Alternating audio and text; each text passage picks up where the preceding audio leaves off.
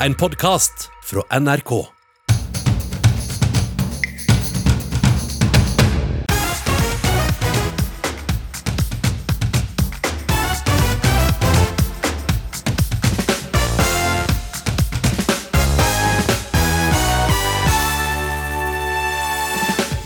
Denne uka kjenner vi alle på smaken av frihet. Det er bare helt fantastisk å få lov å være normal igjen, altså. Men gjenåpninga kan komme som et sjokk, sier psykolog Benjamin Silseth, som har gode råd på lager. Det enkleste hadde vært å utnevne Ida Wolden Bakke som sentralbanksjef. Det beste var å utnevne Jens Stoltenberg, mener en kommentator. Nei, Ida Wolden Bakke burde fått jobben, svarer en annen. Jeg er ferdig underholdt. Hvis jeg havner på gamlehjem, vil jeg få være i fred, sier 78 år gamle Kari Nymo. Hun møtte han som har gjort 90-åringer til TikTok-stjerner. Og vi gratulerer Therese Johaug og blandalaget skiskyting med OL-gull. Jeg heter Linn Beate Gabrielsen og ønsker velkommen til ukeslutt denne lørdagen, hvor skilsmisseavtalen til Viken etter alle solemerker forsegles. Denne uka ble altså det meste lov igjen, bortsett fra munnbind og meteren, som skulle vise seg å være vanskelig å overholde selv for statsminister Støre. Reporter Synnøve Svabø dro ut på hovedstadens puber etter mørkets frembrudd, iført én meters stillas for å sjekke om folk nå kjenner på frihetsfølelsen. Det er bare helt fantastisk å få lov å være normal igjen, altså. Herregud. Hva er det beste? Ikke tenke på meteren og munnbind og Ja, For dere er fire voksne mennesker som nærmest sitter oppå hverandre. Vi er svigerinner og svogere alle sammen. Og er i samme kohort. Vi har bodd i en hule. Ja, så dette er jo dette jeg lengta etter. Herregud. Det er jo, dette er livet. Det er dette som er livet. Selve livet. Jeg var så glad nå. Jeg måtte ha leppestift. Jeg er kjempelykkelig. Jeg tror Jeg har aldri vært så lykkelig som jeg er nå, jeg faktisk. Men jeg er fullvaksinert, og vet du hva, jeg lever livet, og det er det viktigste. Ja, Men dette er jo hverdagen. Nå er det på tide å ta den tilbake. Og livet er jo bare fantastisk. Det, og nå reiser jeg på ferie om en uke. Gran Canaria. Med en liten speedo. Ja, en liten speedo. Selvfølgelig. Det er bare deilig å være ute og føle seg som en del av uh, Oslo, tenker jeg. Endelig igjen. Her i Ukeslutt snakker vi om den frihetsfølelsen som mange igjen begynner å kjenne på. De siste koronarestriksjonene de står for fall innen kort tid. Og Benjamin Silseth, du er eh, psykolog. Ja, vi hørte litt av lettelsen og begeistringa før musikken her. Men frihetsfølelsen trenger jo ikke bare være enkel, mener du. Hvorfor ikke? Nei, altså, og det høres jo litt sånn pessimistisk og kjipt ut, kanskje, å eh, snakke om det først og fremst. Fordi gjenåpningen er jo en kjempebra ting, og vi skal jo glede oss over at ting begynner å bli bedre. Men så vet jo jeg og mange andre som jobber innenfor mitt felt, at eh, det er mange som syns det er skummelt med en gjenåpning.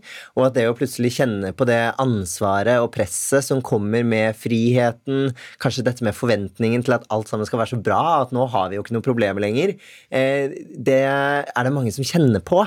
Fordi ting er jo ikke problemfritt bare fordi vi går mot en gjenåpning. Eh, ensomhet eksisterer fremdeles. Eh, folk kjenner fremdeles på at det er skummelt, og, og, kanskje at man blir litt engstelig når man tenker på gjenåpningen. Eh, og det syns jeg det er viktig å snakke litt om også, for jeg tror vi kan fort glemme det i dette gledesbrølet. Ja, Du tror mange blir litt sånn overraska over følelsene de har rundt uh, friheten? Hvordan ja. da? Nei, jeg tenker at de aller fleste av oss er innstilt på at dette er en positiv ting. Eh, at vi nå gjenåpner, og at det å kjenne på at det kanskje er strevsomt, eller at eh, de tingene som tidligere ga oss veldig mye glede, ikke gir oss like mye glede igjen nå, eller at man blir raskere sliten av å være med på sosiale ting osv. Eh, det tror jeg kan komme som et sjokk for mange, fordi man er innstilt på at dette er en bra greie. Mm. Mustafa Hassan, eh, denne uka så kunne vi se deg rulle rundt på gulvet i glede over beskjeden om at du får bli i Norge etter mange runder i retten. Eh, I over 13 år så har du bodd i Norge, og nå er du endelig helt eh, fri. Og tilfeldigvis så skjedde det den samme uka som vi alle er fri fra de strenge koronarestriksjonene. Hvordan opplever du det? Åh, frihet har alltid vært noe jeg har pauska veldig mye på. Fordi det har alltid vært foran meg, men jeg har aldri fått smake på det. På lik linje med alle andre rundt meg. Men også det siste året så har jeg smakt på en type frihet som jeg tror veldig få mennesker har smakt på i Norge. Den friheten av å liksom At alle vil hjelpe deg. Og jeg føler at den den, det siste året har formet meg på, til en måte hvor jeg, jeg tror jeg kan planlegge framtiden min og føle at jeg kan ta mer valg selv. da. Og være litt mer selvstendig enn det jeg har vært. Da. For jeg føler at de siste årene av livet mitt så har jeg måttet forholde meg til hva alle andre vil jeg skal gjøre for å for å måtte bli i Norge.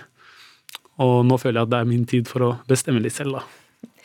Ja, Benjamin Silseth, eh, Mustafa Hassans frihetsfølelse er jo helt spesiell, og ikke helt eh, den samme som vi andre kan kjenne på etter koronalettelsene. Men, men det har noen likheter likevel, mener du? Hvordan da? Nei, altså, jeg får jo noen tanker når jeg hører Mustafa fortelle om, om sin sak og hvordan det har vært å leve under det, og så knytter jeg det jo litt opp mot hvordan det har vært å leve med tunge restriksjoner, det å kjenne på at man bestemmer ikke selv over hva som skjer fremover. Det er noen andre, da liksom staten, som prøver å avgjøre utfallet for deg deg.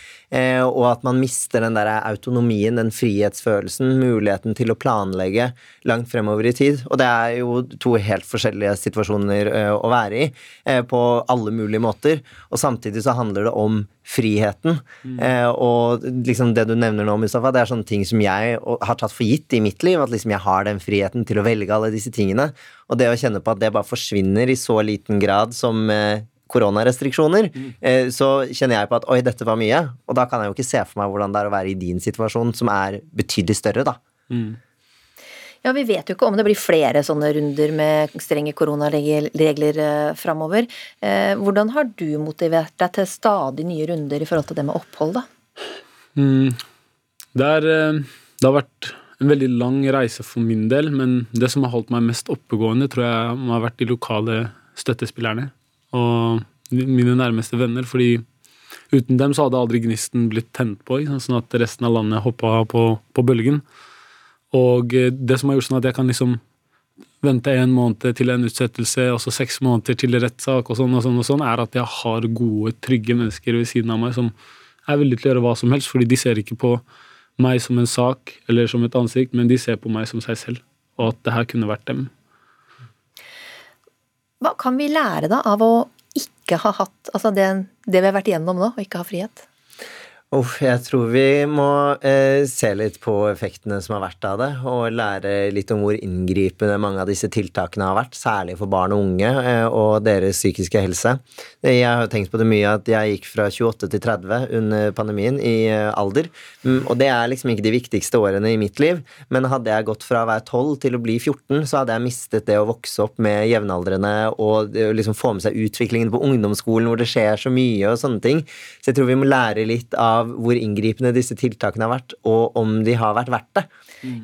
Vi skal snakke litt om det, nettopp hva, hva det har betydd for eh, barn og unge, eh, om ikke så altfor lenge her i Ukeslutt. Men hva er ditt tips til Mustafa her og alle oss andre? Som, eh, hvordan skal vi takle den friheten vi nå får? Det blir jo veldig individuelt, da, men jeg tenker jo at noen uh, gode råd er jo å uh, prøve kanskje seg litt frem på denne friheten, og ikke føle at man må omfavne all friheten med en gang, for det kan bli mye, og plutselig så vet man ikke hva man skal gjøre eller velge, men at man begynner med noen ting som man kjenner at dette gir meg mening, dette gir meg verdi, og begynne å drive med, uh, og så kjenne etter Kjennes dette bra ut? Og hvis det gjør det, så kan man jo fortsette å smake på friheten. Og hvis det blir for mye eller overveldende, man kjenner på at det er skummelt eller man blir engstelig, så kan man roe ned og trekke litt tilbake. Men det blir jo det å lytte til hodet og kroppen, da.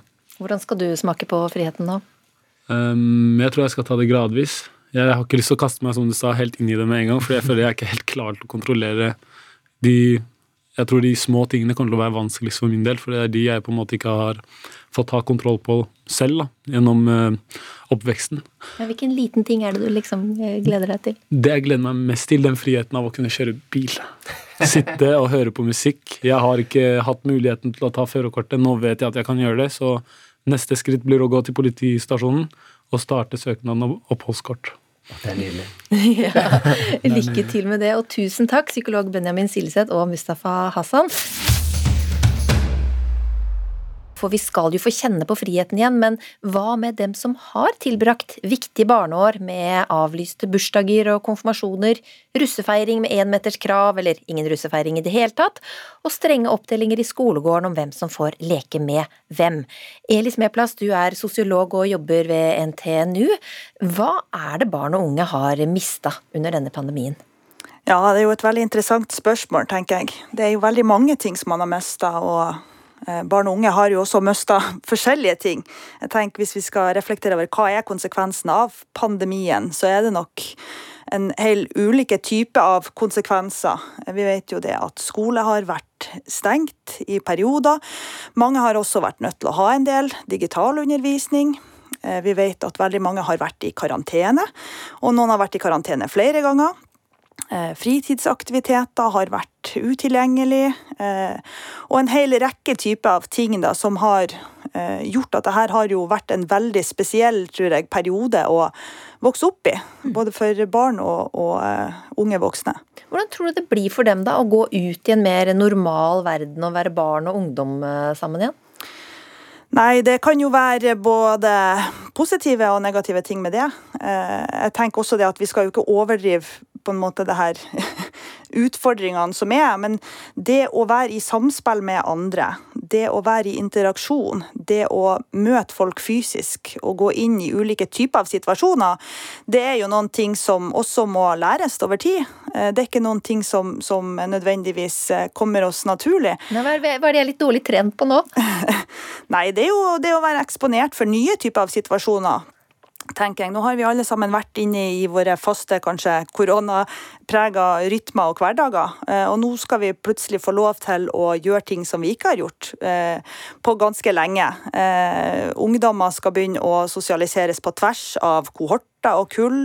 Man skal eh, gå i gang med all slags type fritidsaktiviteter osv. Eh, plutselig er det lov å spille konsert plutselig er det lov å ha turneringer osv. Og, så og, og det er jo svært mye læring som skjer på de her uh, ulike typene av arenaer.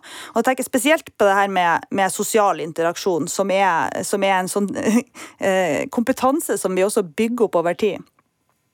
Ja, uh, Hvordan tror du dette her vil utspille seg? Hva har vi sett når det har vært litt gjenåpning tidligere? Nei, Vi kan jo huske bare tilbake på den gjenåpninga som vi hadde her i Trondheim da, i, i høsten som var. Eh, hvor vi hadde veldig store ansamlinger av unge voksne, bl.a. I, i sentrumsområdene her. Eh, og Det er jo veldig vanskelig å forutse hva blir konsekvensene nå, men vi skal nok ikke bli overraska over at vi vil, vi vil, se lignende type av eh, hendelser. Eh, hvor du har veldig masse unge mennesker som skal ut og gjøre seg de første erfaringene sine på en, en ny sosial arena, og alle sammen samtidig. Og Da kan du få sånne, sånne type ting, da, at, vi, at vi vil få noen egentlig la oss kalle det koronarelevante eh, eh, hendelser framover. Jeg tenker nå på festivalsommeren som kommer, jeg tenker på eh, russefeiringa som kommer osv. Så, videre. så vi skal ikke se bort ifra at den eh, kommer til å utarte seg litt annerledes enn det vi var vant med før pandemien, i hvert fall.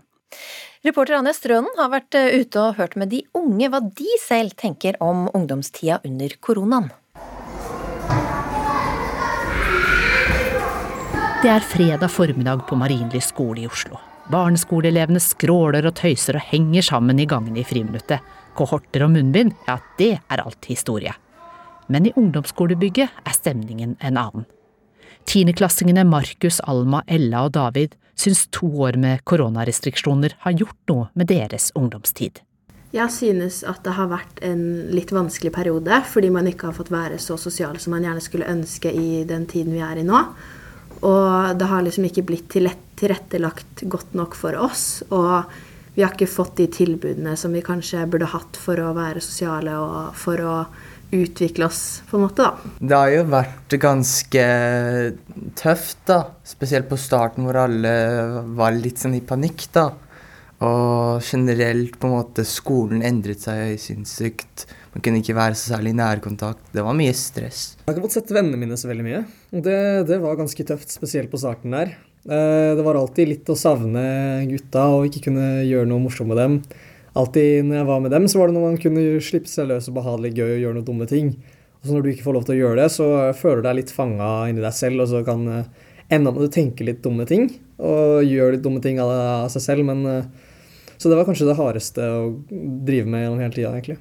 Det har nok påvirket oss mer enn det vi tror.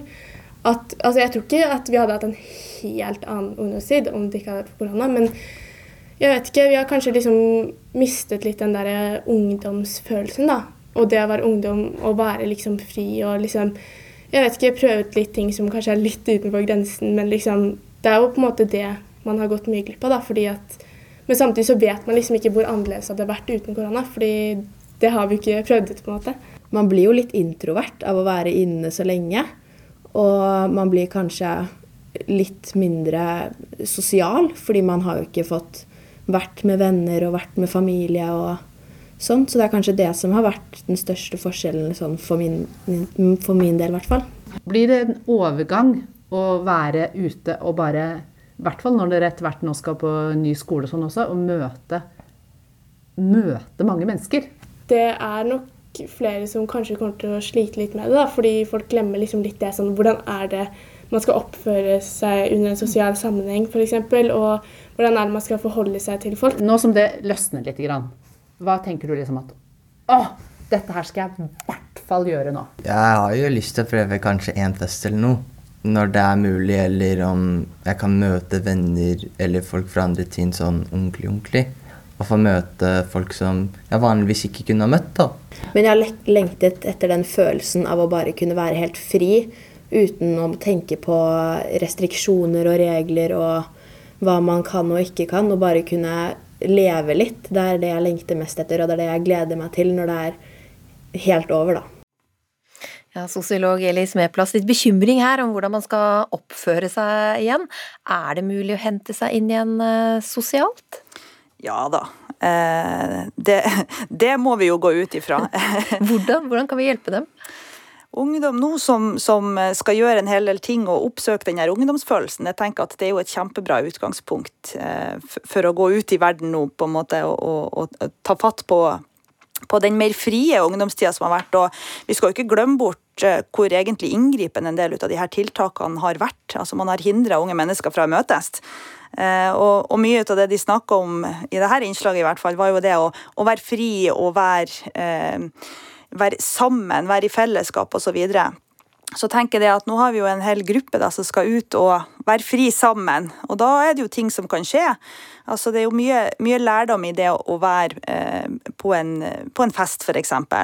Eh, at hvor går grensa nå, hvordan skal vi oppføre oss, hva er greit og hva er ikke greit å gjøre, osv. Da tenker jeg at eh, ja, voksne rundt også kan, kan, ta del i på en måte samtaler med ungdom. da, eh, Og høre egentlig hva er det de er bekymra for, osv. Og så tenker jeg, de vi, de vi, hørte nå i det innslaget her, de har jo også et veldig fint språk for det her. De satte jo ord på det, hva som har vært utfordringer og hva de gruser til osv. Så, videre. så tenker jeg at den overgangen nå framover, den går de jo inn i sammen, i fellesskap. Og det tror jeg er en veldig stor styrke. Går det an å si, Finnes det noen positive erfaringer også, som denne ungdommen eh, kan ta med seg videre i livet, som fra pandemien? Ja, absolutt. Jeg tenker det at nå har vi vært igjennom ei type krise i fellesskap. Eh, og det her er også noen ting som, som eh, blir da det vi kaller for en identitetsmarkør. Noen ting som de har til felles også. Om det enten var at du begynte på ungdomsskolen i denne perioden, eller at du starta i en helt ny klasse eh, på videregående i løpet av noen av de strengeste tiltakene, så betyr det jo også det at du har delt den erfaringa med ganske mange andre som, som, eh, som, er like gammel som deg sjøl. Og det tror jeg òg er på en måte en styrke, for det kan være en kilde til, til identitet, det også. Eh, man har jo snakka litt om det her koronakullet.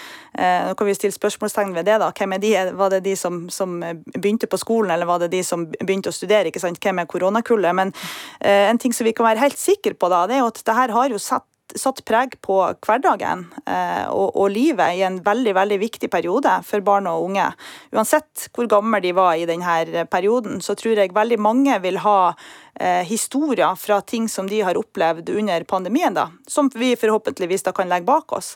Eh, og som også kan være ja, eh, en kilde til, til, samtale, ting vi kan mm. diskutere og snakke om. Mm. Mm.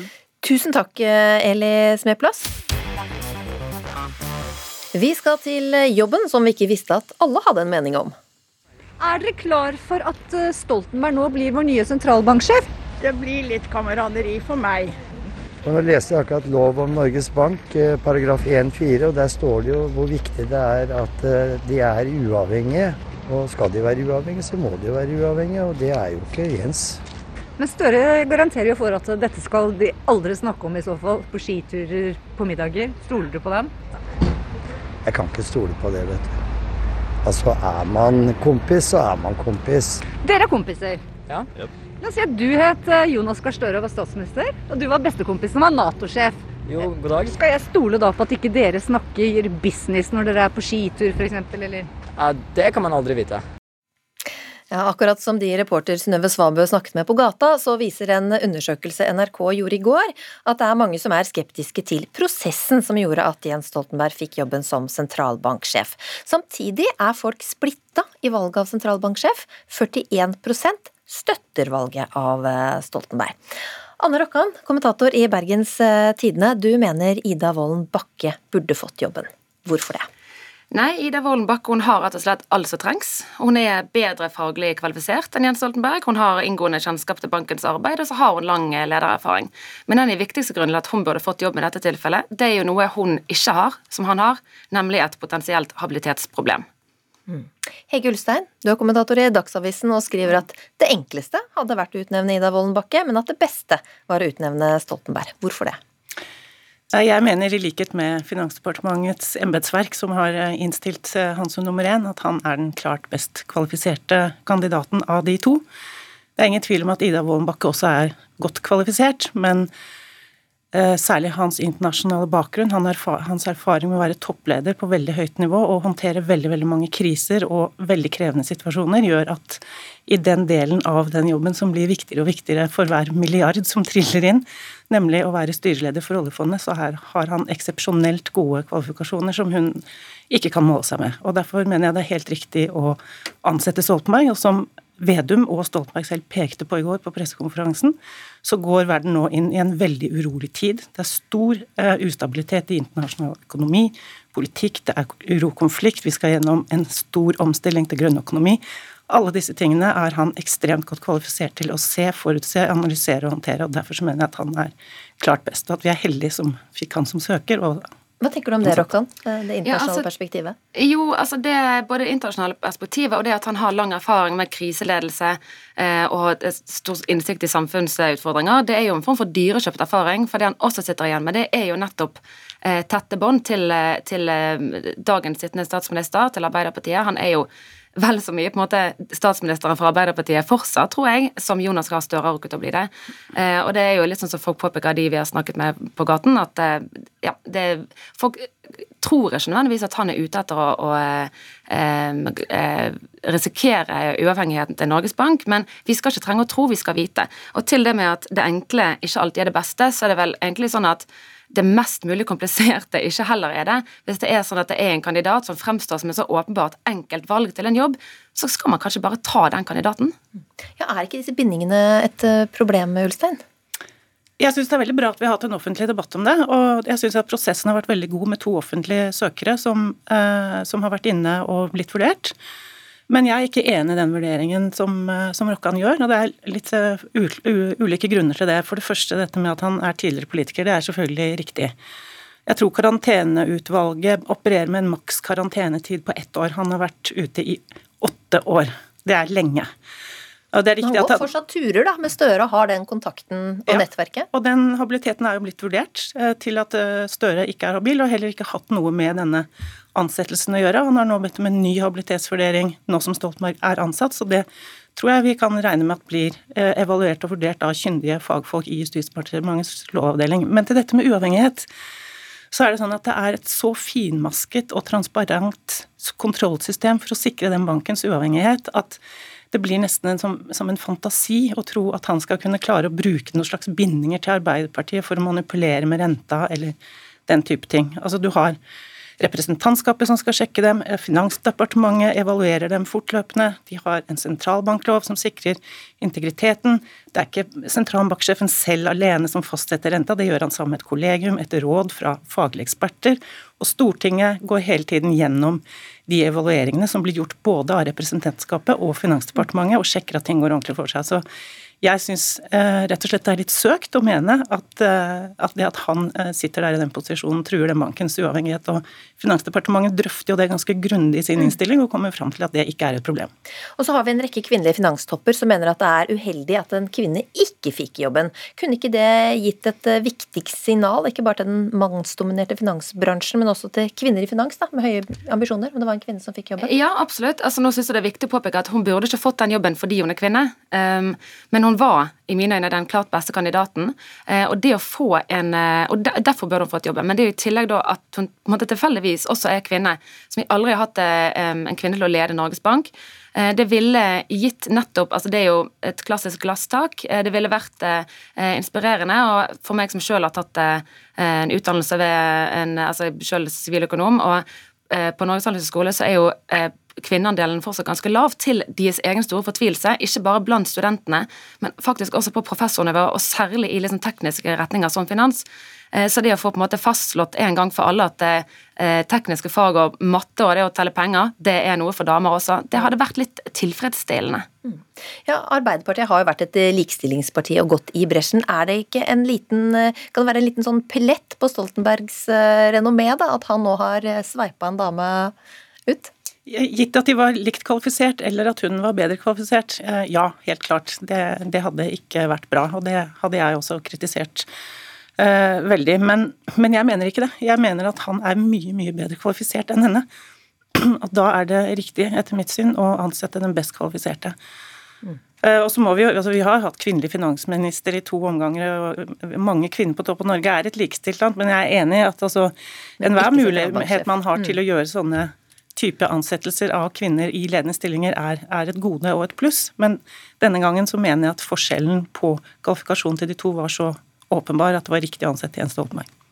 Ja, altså Hvorvidt kvalifikasjonene er bedre hos Stoltenberg, det er det jo sterk tvil om. Blant annet så har jo en leder i din egen avis slått fast helt tydelig at um, Jens Stoltenberg er formelt sett dårligere kvalifisert. Uh, faktisk er Ida Wolden Bakke langt bedre kvalifisert, så dette uh, er det jo rimelig stor tvil om. Uh, men også så sier jo finansminister Vedum at det har vært en helhetsvurdering som ligger til grunn for utnevnelsen, og han presiserer at det er på en måte også gitt tidsånd, vi er i 2022. og den, Med det som gulv så er ikke det helt urimelig å påpeke det at både eh, hennes manglende habilitetsproblem og det at hun er kvinne, burde telt med i den helhetsvurderingen, på lik linje som hans eh, ledererfaring og internasjonal erfaring. Og Det var også kanskje litt ironisk å fremheve hans sterke erfaring som leder, eh, og samtidig mene at ville, han ville aldri vært en sterk nok leder til at han ville fått påvirket eh, rentesettingen eller de avgjørelsene Norges Bank skal gjøre. Det syns jeg er en litt ironisk eh, ja, argumentasjon. Ja, Ulstein, Noen har jo også hevdet at stillingsannonsene ble litt sånn skreddersydd med dette internasjonale perspektivet og sånn for Stoltenberg?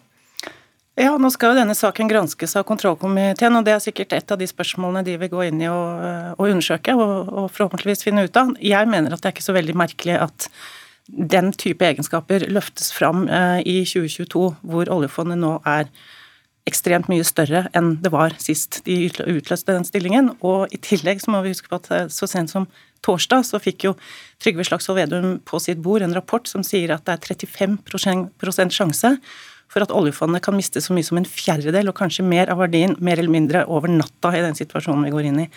Og da mener jeg at det er eh, bra at vi har en eh, styreleder for det fondet som er flink til å forutse internasjonale spenninger og konflikter, og som har erfaring med krisehåndteringer. Tusen takk, eh, Anne Rokkan fra Bergens Tidende og Hege Ulstein fra Dagsavisen. Akkurat nå sitter Viken Arbeiderparti i et eh, avgjørende møte rundt oppløsninga av eh, Viken. Gigantfylket ble som kjent resultatet etter sammenslåinga av Akershus, Buskerud og Østfold. Men i dag kan altså dette korte og noe trøblete forholdet gå mot slutten.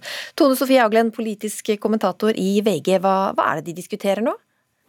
Ja, Det de rett og slett diskuterer nå, det er om uh, dette storfylket skal oppløses eller ikke. Vi har jo i noen uker nå fulgt uh, uenigheten innad i Arbeiderpartiet, og det snakkes om uh, maktkamp også, og da er det all grunn til å følge litt ekstra godt med. Ja, Hva er sjansen for at dette kortvarige ekteskapet blir oppløst? Nei, alt eh, tyder nok på at eh, det går mot slutten for dette ganske ulykkelige ekteskapet. Men eh, jeg tror ikke spenningen er slutt med det her. For nå varsles det både om at kommuner vil bytte fylke, og vi ser også at den skilsmissebølgen sprer seg til andre fylker. Du blir med oss senere i sendinga, Tone Sofie Aglen, og da skal vi også snakke med en relasjonsterapeut som sier at det er viktig å være åpen og nysgjerrig i et nytt forhold for at det skal fungere. Nå skal det handle om krim og spenning.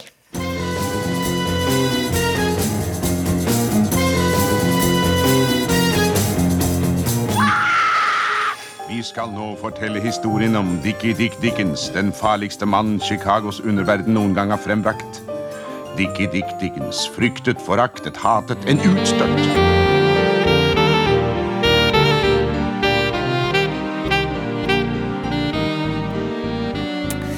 For det ble baluba da bokpresangen til prinsesse Ingrid Alexandra viste seg å være helt fri for krimbøker. For mens bokbransjen ga henne alle nyere prisbelønte bøker av både poesi, tegneserier, sakprosa og skjønnlitteratur, så var det altså ikke en eneste krimbok å spore. En aldri så liten skandale, ifølge forfatter Anne Holt, som dermed sparket i gang debatten. Men det er ikke du enig i, satiriker og debattant Dagfinn Nordbø. 18-åringer trenger krim like mye som en fisk trenger en sykkel, skriver du i en kronikk i VG. Hva mener du med det? Eh, jeg mener vel at eh, når du fyller 18, så skal du ikke lese krim. Du skal lese til førerprøven. Det er mye viktigere. Sånn at Jeg ser ikke for meg, altså jeg husker min egen 18-årsdag. Ja, leste ikke krim. Det kom ikke før lenge etterpå. Så jeg anbefaler heller at man venter med å lese krim til sånn når man er i 40-årene og kjeder seg i ekteskapet. Ja, men Hva er det som er galt med krim, da? Det er ikke noe galt med krim, men det er et eller annet med proporsjonene på det når man blir så fryktelig rasende for at det blir utelukket i en kongelig gave. Det var det jeg egentlig eh, reagerte mest på. Det er jo underholdning man driver med, liksom. Altså, hvor viktig er det? Trude Teige, du er eh, president i Riverton-klubben som nettopp skal fremme krimlitteratur, og du er også selv krimforfatter. Hvorfor burde prinsessa også ha fått krimbøker i 18-årsgave? Ja, altså jeg tenker at vi har et eh, kongehus som er veldig opptatt av å kjenne folket sitt og være nær folket. Og det norske folket leser altså veldig mye krim. Og da tenker jeg at det er på sin plass når man gir noen prisvinnende norske titler til eh, prinsessa, at hun også får Eh, F.eks.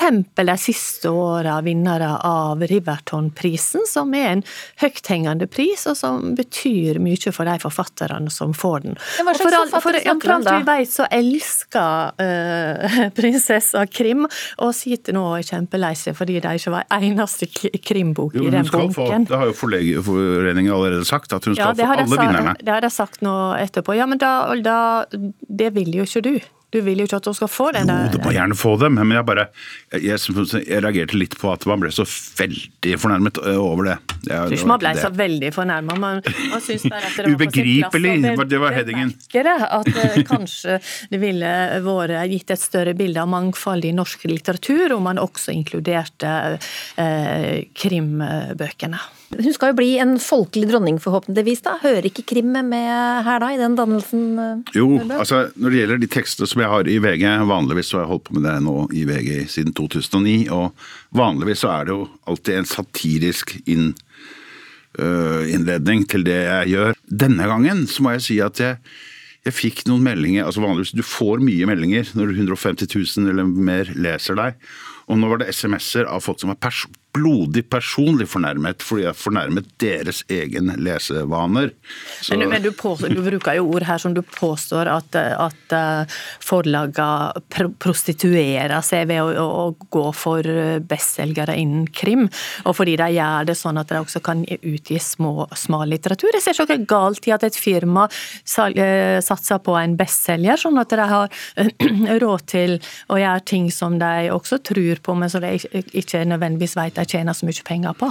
Ja, Nei, jeg, jeg, jeg, forstår også det, men jeg mener også man kan fortelle litt om det aspektet med at man sier jo egentlig ja, vi gir jo ut ordentlig litteratur også, det er derfor vi satser så mye på krim. For det selger så innmari mye. At det er på en måte pengeaspektet i krim er så svært. Og da tenkte Jeg også, jeg tenker også, ja, En grunn til at det er så svært, er også bl.a. at en del er ganske spekulativt. Jeg syns f.eks. Jeg orker ikke å lese Jon Nesbø. Det det er jo blodig så det holder. Ja, men De aller fleste er mot en blodig virkelighet, men i krig og sånt, men i krim ja, kjempefint. Men du pretenderer, du pretenderer å ha veldig god oversikt over hva som er norsk krim. Jeg tror jeg har rimelig god oversikt fordi jeg har tilgang til alt som blir gitt ut. Og norsk krim er mye mer enn det du framhever her. Det kan leses som historiske romaner, det gir oss innsikt i Afghanistan-krigen, det gir oss innsikt i finansmiljøet i Oslo osv. Så jeg mener jo det at du har en veldig snev forståelse av hva som er norsk krim. Og når du skriver på den måten som, som du gjør, så, så pretenderer du å ha full oversikt over hva norsk krim er. Og det er så tullete, det du skriver, at jeg mistenker deg for å gjøre det samme som du beskylder norske forfattere for, å skrive for å tjene penger fordi de trenger penger. Det er derfor vi skriver bøker, skriver du. Så tenker jeg at ja, ja, så skriver du denne her da, og så går tom for tema, og så tar du akkurat dette her, fordi at du, du må jo opprettholde markedsverdien din som satiriker og kommentator, og finne på et eller annet å skrive. Og så blir det et eller annet som er fundamentert på en helt en virkelighetsforståelse som ikke stemmer med det som er fakta når det gjelder norsk krim. Ja, Det kan godt øh, hende at du har mange poenger der, men når man leser en satirisk tekst, så må man også lese det som en satirisk Det står øverst på teksten så står det yrke forfatter, satiriker. Ok, hva kommer nå? Jo, nå kommer det noe gravalvorlig som du skal ta veldig alvorlig. Ja, jeg mener det er alltid en masse alvor i satire, man, men man trekker frem enkelte ting som ikke nødvendigvis er det brede, store sannheten, men enkelte ting som man vet f.eks. om krimsjangeren i dette tilfellet. Men du omtaler krimsjangeren på en måte som ikke stemmer med fakta av hva som blir gitt ut. Og du belyser jo på sett og vis det som er litt av problemet for eh, mange som skriver krim, og det er at det blir skrevet himla mange gode krimbøker som ikke når ut. Og det beviser du at du ikke har lest annet enn noen få, og de liker ikke du. Så de gode når jo- ikke ut, er det, er det sånn å forstå? Det var jo veldig synd. Ja, det er veldig synd. De gode sånn når ikke ut. Er du rart jeg ikke har lest noen gode krimbøker, da? For de når jo ikke Nei, men det finnes det hvis du vil orientere deg om hva som er den faktiske situasjonen i norsk krim. Og det gjelder for mange andre skjønnlitterære bøker også, at de dessverre ikke når ut til leserne slik som man skulle ønske. Altså, man, man, krim er da veldig mye omtalt. Herregud, hvis man leser bokmagasinet, man leser anmeldelsene i de store riksavisene altså Du går jo ikke en dag uten at man får en omtale av, av krimbøker. Mye mer enn f.eks. poesi, som virkelig er noe som man ikke hører noe om i det hele tatt. Bøkene står i konkurranse mot så veldig mye annet, TV-serier, Netflix, den type ting. Er det ikke viktig at også krim, som kan være en god inngangsport da, for ungdom til å lese, at det også blir eh, ført fram her? Jo, jeg vil tro kanskje at fantasy er eh, en bedre inngangsport. Det har jo vist seg sant, Mine egne unger eh, kastet seg over Harry Potter på engelsk da de var elleve år. liksom, sånn at jeg vil kanskje heller anbefalt at man pushet på det i fantasy til å, å, å begynne med. Jeg syns krim på en måte er litt sånn Jeg syns det er veldig voksenverden. Det er veldig sånn over 30. Det som virkelig er det store problemet når det gjelder litteratur i dag, det er at folk leser for lite. Eh, Og det gjelder jo ikke minst barn og ungdom. Og for meg har lesing en veldig stor verdi i et samfunn som går veldig fort. Å sitte med ei bok og legge bort mobiltelefonen og PC-en og hverdagen sin. For meg er det sånn at folk kan nesten lese hva som helst som de har glede av, og som de vil bruke tida si på. Og jeg kan ikke si at fordi jeg ikke liker den boka, så bør ikke du lese den. Jeg har altså ikke sagt at Yngre Alexandra ikke skal lese krim. Jeg sa ikke gjør det nødvendigvis når du er 18 år. Hun sitter og venter på vent, boken. Vent lite Grann. Men nå får hun jo så mye krim at det blir bare fest og moro. Tusen hjertelig takk, eh, Trude Teige og Dagfinn eh, Nordbø. Mange takk. Takk. Nå skal vi til Beijing. Med det så er eh, OL-ilden tent.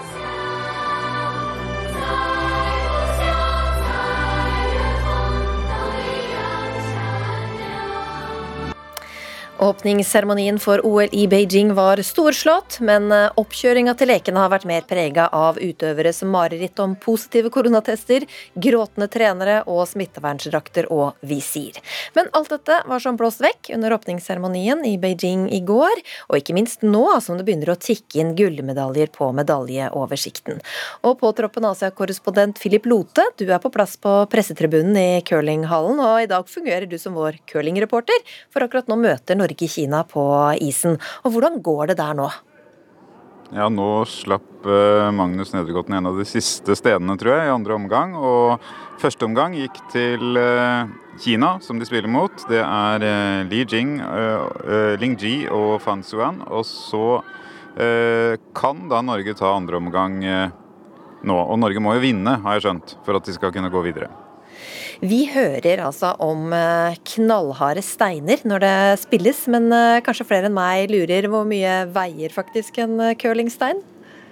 Ja, Det er jo det testspørsmålet jeg har fått en del ganger denne uken når jeg sa jeg skulle hit. og jeg, Den veier 20 kilo, og så er banen 44 meter lang, hvis du ønsker å ta et kontrollspørsmål til. Så, jeg, så vi lærer sammen her. Du har lest deg opp. Og så har vi lest på nrk.no at Norge tar eh, drastiske matgrep etter klager fra OL-stjernene. De har sendt store mengder mat fra Norge til Kina for å forbedre forholdene for de isolerte utøverne. Hva er problemet her? Det er litt uklart akkurat hva som er problemet, men eh, det er mange land som rapporterer om at den måten de praktiserer isolering på av de som tester positivt, er veldig streng og til tider dramatisk. Altså, det var den første som Eh, kom et slags varsel via sin sosiale mediekonto, var jo en belgisk eh, aker som var eh, på gråten og sa hun ikke visste hvor hun var, at hun hadde blitt hentet i en ambulanse med blålys. og det var også russiske utøvere i isolasjon som sa at de fikk den samme maten tre ganger om dagen, og at hun ikke klarte å spise mer, at bena begynte å stikke ut, og at hun var Eh, altfor tynn. Og, så det eh, er kanskje noe med praktiseringen av isoleringen som har vært vanskelig, eh, og hvor de har bommet litt. Men de er jo veldig, veldig redde for å få et stort smitteutbrudd inne i denne bobla da, som OL arrangeres innenfor. Det er jo da De tre ulike arrangørstedene i og rundt Beijing er jo av, avstengt fra resten av byen og, og resten av Kina.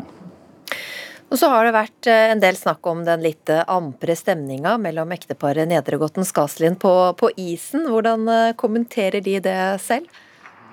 Ja, de sier vel ikke så mye om det. Det er vel spørsmål de får veldig mange ganger, så jeg skal prøve å høre med dem etterpå hvis jeg treffer dem. Men uh, de vant jo første kamp i, dag, kamp i dag, så stemningen er ganske god. Og så var jo Skaslien, Kristin Skaslien flaggbærer for Norge under åpningsseremonien i går, så det kan jo ha gitt uh, både henne og, og mannen litt uh, inspirasjon. Og så vidt jeg kan se her nå, vi er fremdeles i andre omgang, så har Norge fremdeles den beste steden, og kan jo da og kanskje til og med de to beste stedene, og kan jo da ta igjen Kinas ledelse her. Så da bør det være god stemning. Og når du ser det på kloss hold, faktisk ganske spennende faktisk når du ser på kloss hold. Mm. Tusen takk, Filip eh, Lota. Du følger med videre for eh, NRK. Så til kjærlighetstrøbbelet i Viken som ikke ser ut til å gå over.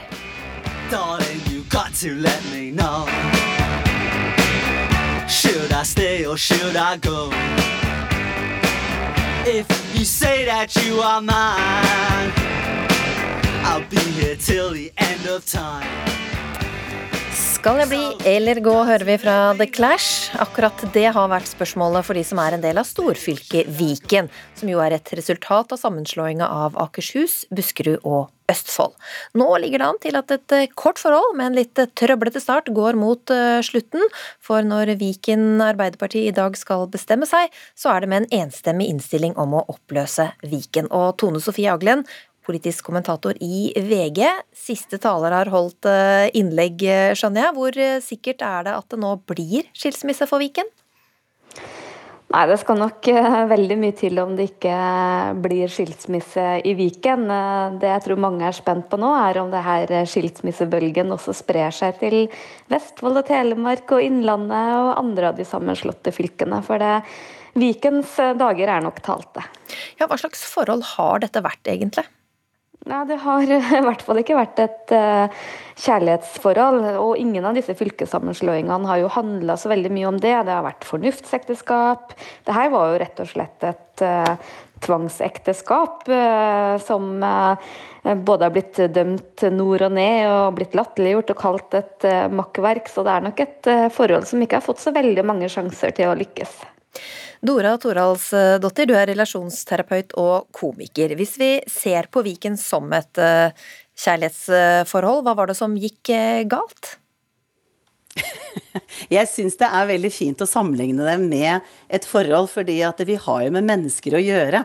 Og dette er veldig mange mennesker som blir involvert i noe veldig mange ikke har valgt selv. Og akkurat som et ekteskap, når du inngår noe som du går inn med armene i kors og litt kritisk, så er det veldig sjelden at du går rette veien. Sånn at det er et veldig sånn dekkende beskrivelse å bruke ekteskap som liksom bilde, og at det blir en skilsmisse, og at det er en litt sånn negativ innstilling fra starten av, egentlig. Det sier seg selv at det ikke har gått så veldig bra. Ja, du er selv i et nytt uh, forhold og har blitt uh, forlova, så nysgjerrighet er viktig? Ja, jeg tenker jo at uh, det vet jo egentlig alle som har gått inn i et forhold, at Særlig når du er, jo eldre du er, jo mer blir du liksom innbitt i dine vaner, og du er liksom vant til å gjøre det på din måte. Og så når du da treffer en annen, eller f.eks. en annen fylkeskommune, da, og så gjør fylkeskommunen ting på en annen måte enn det du er vant til Hvis du skal få et forhold eller fylkeskommune til å funke sammen, så er det noe med å eh, ha en innstilling om at mine kjepphester, som er veldig viktige, kan jeg kanskje ivareta, men så er jeg nødt til også å gi slipp på noe. Jeg trenger å være nysgjerrig på hvordan du gjør ting, og være litt fleksibel på at det går an å gjøre det på andre måter enn det jeg har vært vant til.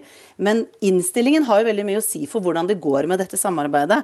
Og det er vel her vi kan være enige om at den var vel ikke sånn helt på topp da et ekteskap ble inngått, at eh, det var veldig sånn velvillighet da, og fleksibilitet som råda. Ja, og nå er det akkurat klart her at Viken Arbeiderparti har vedtatt å gå inn for oppløsning av fylket. 97 for oppløsning og 3 imot. Og Tone Sofie Aglen, altså du har skrevet at eh, de fleste ekteskapene som ble innleda i forbindelse med regionreformen, så har drivkraften vært fornuft og pengemangel eller tvang. Så det var kanskje det som eh, preget mer enn eh, kjærlighet? Ja, absolutt. Og det har jo egentlig prega alle disse fylkessammenslåingene. Men eh, jeg tror eh, mest av alt så har Viken vært prega av at dette har vært et tvangsforhold. Og som Dora snakker om, det er veldig få som har virkelig ønska å få det her til å fungere. Og det, det finnes jo eksempler på sånne fornuftsekteskap som kan bli lykkelige til slutt, men da tror jeg man må ha en litt mer positiv innstilling og ta litt mer tida til hjelp. Og de har jo ikke fått mulighet til det i det hele tatt i Viken. Og Hvordan blir det da med fordeling av barna, altså kommunene? Nei, Det er jo det som er eh, det store spørsmålet. da, for eh, det er visst ikke bare bare å gå tilbake til de tre gamle fylkene. For vi ser eh, den ene kommunen etter den andre rekker jo nå opp handa og sier at blir det skilsmisse, så vil vi kanskje bytte fylke. Det ser vi i Viken, vi har sett det i Troms og Finnmark, og vi hører det også andre steder. Så det er nok ikke fullt så enkelt som å bare splitte opp og tro at alt blir som før. Dora Toralsdottir, hvordan, eh, hvordan kan man få til en, eh, si, en, en, en lykkelig eller fredelig skilsmisse? Ja, det er jo det å være voksen og ikke eh, gå verken rundt som offer eh, og være sånn Det er veldig synd på meg, og vi har gjort alt riktig. For med en gang du påberoper deg at eh, fra din side så er alt perfekt, og alle andre er idioter, så har du verken lært noe eller eh, øker muligheten for at neste gang det skulle bli noen endringer, at du er kanskje på et litt bedre sted. Så sånn ideelt, i en drømmeverden, så er det jo veldig fint med de som f.eks. skiller lag, enten det er vennskap eller ekteskap eller hva det er, som eh, begge parter går litt i seg selv og tenker hva var det jeg gjorde som var med på å gjøre at dette her ikke gikk helt veien? Hva kan vi eventuelt gjøre neste gang som gjør at det blir kanskje litt mer friksjonsfritt, eller litt mer samarbeid, litt mer velvillighet? Hva kan vi At man ser litt sånn kritisk på seg selv på hva man har bidratt til, til at klimaet har blitt som det har blitt. da. Det er sånn ideelt i de fleste brudd, sånn at man lærer, slik at neste gang så gjør man verken de samme feilene på nytt, eller eh, blir en som det er helt håpløst å samarbeide med, da, eller være i relasjon med. Så jeg tror det der med å tørre å se litt på seg selv blir veldig viktig, som en del av å lære for alle involverte her. Og Aglen, eh, så er jo også spørsmålet eh, skal alle partene få med seg ut det man hadde med seg inn i dette ekteskapet? Ja, Det virker jo som at eh, det er den enigheten de har kommet til i Viken. da, At man eh, f.eks. Akershus, som hadde et kraftselskap med seg inn, skal få det tilbake. og Det er jo ofte sånne ting at det virkelig blir krangling om. Så er det jo en ganske viktig forskjell på fylker og oss mennesker når vi går fra hverandre. For vi kan jo egentlig bare pakke kofferten og reise, men det er ganske mye formaliteter som skal på plass når en, eh, et fylke skal gå fra hverandre. Så det er nok en prosess som kommer til å koste både ganske mye tid og mye penger før eh, man er litt tilbake der man var som et singelfylke, om vi kan bruke eh, den ligninga. Vi får håpe på et gemyttlig skilsmisseoppgjør i, i Viken. Takk, VGs Tone Sofie Aglen og relasjonsterapeut Dora Toralsdotter. Hvordan ser du for deg at livet skal bli de siste årene du skal leve? Er du klar for bingo og allsang på gamlehjemmet? Fellesspising med smekke på? Hvis eh, jeg havner på gamlehjem, vil jeg være i fred. Det skriver du, Kari Nymo, i en ytring på nrk.no. Hva er det du vil være i fred for? Jeg vil være i fred som alle skal prøve å få meg i godt humør for eksempel. For det, du, det er ganske stusslig å bli gammel, og du, du, sitter der, du har ikke lyst til noe. Jeg kjenner jo nå jeg er hjemme og oppegående og alt, og det er så mye som ikke er moro lenger. Hva er det du ikke orker tanken på med Ja, for eksempel å synge allsang. Jeg synger første sopran i kor og sitte der og krakle og synge 'Gikk en tur på stien', det orker jeg ikke. Og du blir ikke noe godt humør av det heller. Absolutt ikke. Og så vil jeg spise aleine, jeg vil ha mat når jeg er sulten. Og det tenker jeg også folk som har dårlig appetitt, og så skal du ha felles måltider og miste appetitten før du har begynt å spise. Pynta mat med grønt og tomat, det er jo livsfarlig. Vil ha, ha brødskive med bringebær på og banan. Men uh, hva er galt med pizza? Nei, pizza er jo Ja, jeg er jo for så vidt vant med pizza, men de som bor i Telemark og er 90 år nå, de har ikke vokst opp med pizza. Det kan jeg bare si deg. Og det er veldig uvant, og det er veldig få som egentlig liker det. Men ungdommen som jobber på kjøkkenet, de syns jo pizza er fantastisk, ikke sant? Og da må jo vi som gamle også like pizza, selvfølgelig. Ja. ja så hva, hva bør de få servert? Lungemos. Håkon Sand, du er eh, vernepleier, og du lager rett og slett mye moro for de gamle på Norseterhjemmet. Hvorfor er det viktig? Altså, jeg jobber jo med brukere som bor hjemme. Da, som, uh, veldig mange som er veldig ensomme. Som kommer til oss da, for å på en måte få litt stimuli, for å få en god dag. Da. Så Det er det vi jobber med. At de skal føle en ja, At de har uh, hatt en fin dag og hatt mye sosialt samvær. Da. Så de kan gå hjem og tenke at i dag har jeg hatt det veldig fint, og snakket om ditt og datt og spist flesk og duppe f.eks. For, eksempel, for det er jo noe vi serverer veldig ofte. Nei, hva syns du om, eh, om lungemos og den slags? Altså, det har jeg aldri smakt, men eh, altså, brukerne våre får mye rart da, som jeg ikke tør å smake på. Simulepudding, sviskekompott og alt det greiene der. Så de får mye av den maten de er vant til. Og så er det sikkert en del som har sett deg og 97 år gamle Haldis med, med flere ha det gøy sammen på, på TikTok. Bare ja. hør her. Er dere klar for sykdomsbingo? Ja! Da er det G for grå stær. Og bingo! Det har jeg! Gratulerer. Ja, hvorfor begynte du å lage disse TikTok-videoene, Håkon? Nei, altså på jobb så er jeg veldig meg selv, og jeg kan si mye rart. ikke sant? Og så sa jeg vel en vits, da, og så ble den veldig godt tatt imot. Så ble jeg sånn Oi, her er det faktisk veldig god humor. Og så bare begynte jeg å filme det, da, og så var det, altså det var mye latter. da. Så spurte jeg kan jeg bare legge ut det her på TikTok og bare se om folk syns det er gøy. Og De sa ja, legg det ut på TikTok. De visste jo ikke hva det var, men da fortalte jeg liksom litt hva, hva det her var for noe. Og så la jeg det ut, og det ble jo kjempegodt tatt imot. og Barnebarn så Holdis på TikTok, og det var jo kjempestas. da. Du ser ikke for deg at du ville hatt moro av å være med på en eh, TikTok-video etter hvert? Nei. Jo, men dagavdeling er noe annet. Det kunne godt hende at jeg var på en dagavdeling og kunne vært med på TikTok, men ikke når jeg er så dårlig at jeg har plass, fast plass på sykehjemmet og sitter i en rullestol og dupper og sover hele dagen. Da kan jeg ikke se for meg at det er morsomt. Men hvordan kan du vite nå, da, hva du uh, kommer til å ville ha lyst til, da? Eh, den dagen du eventuelt havner på et uh, sykehjem eller gamlehjem? Nei, da må jeg jo bli helt ukritisk, da. Være med på noe som jeg ikke hadde lyst til når jeg kunne si fra. For eksempel. Jeg vil, jeg vil jo ikke det nå engang. Men man endrer seg jo, man vet jo aldri. Det kan godt hende at Håkon greide å overtale meg til å være på TikTok, hva vet man? Du vet veldig lite, egentlig.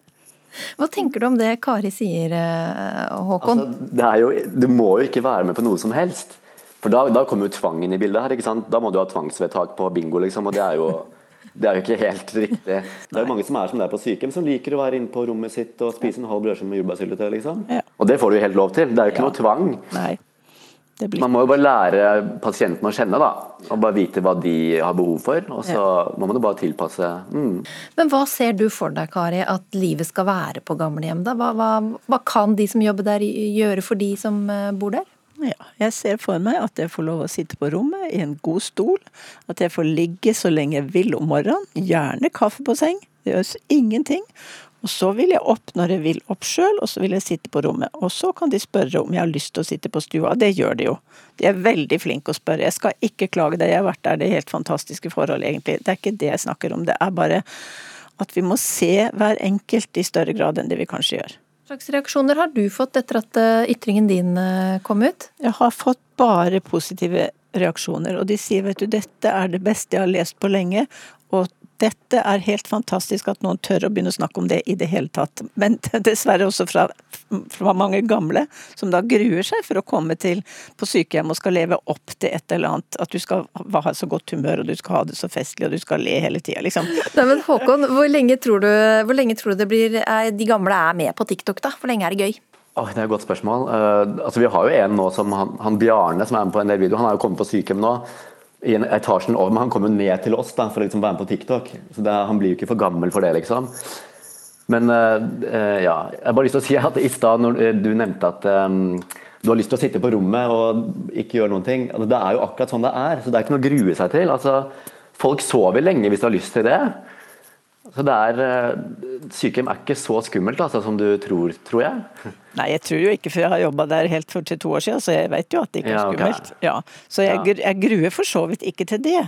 Men, men det, det er så veldig forskjellige holdninger fra, fra alle sykehjem. Noen har det helt supert, og andre Mm. har prestisje på at alle skal opp til frokost klokka ni på søndag. Om du vil eller ikke. Men det er forskjellig fra sted til sted. Og, Ja, og Det er veldig trist hvis man skal Ja. tvinge folk opp av senga hvis de har lyst til å ligge Ja. og sove. Ja, for hun som er på jobb, hun har jo- prestisje på at alle skal opp til frokost, ikke sant? Og så Nei, er det ingen det er ikke jeg vant til, altså. Nei, jeg jobber. nei, det er jeg sikkert at- litt forskjellig. Veldig forskjellig. Vi får håpe at eh, det blir opp til den enkelte å velge om man vil sitte alene med brødskive med syltetøy, eller spille inn TikTok-videoer og spise pizza. Takk skal dere ha, Kari Nimo og Håkon Sand. Ukeslutt setter punktum for i dag. Ansvarlig for sendinga Sara Victoria Rygg. Teknisk ansvarlig Eli Kyrkjebø. Og i studio Linn Beate Gabrielsen. Du har hørt en podkast fra NRK. Hør flere podkaster og din favorittkanal i appen NRK Radio.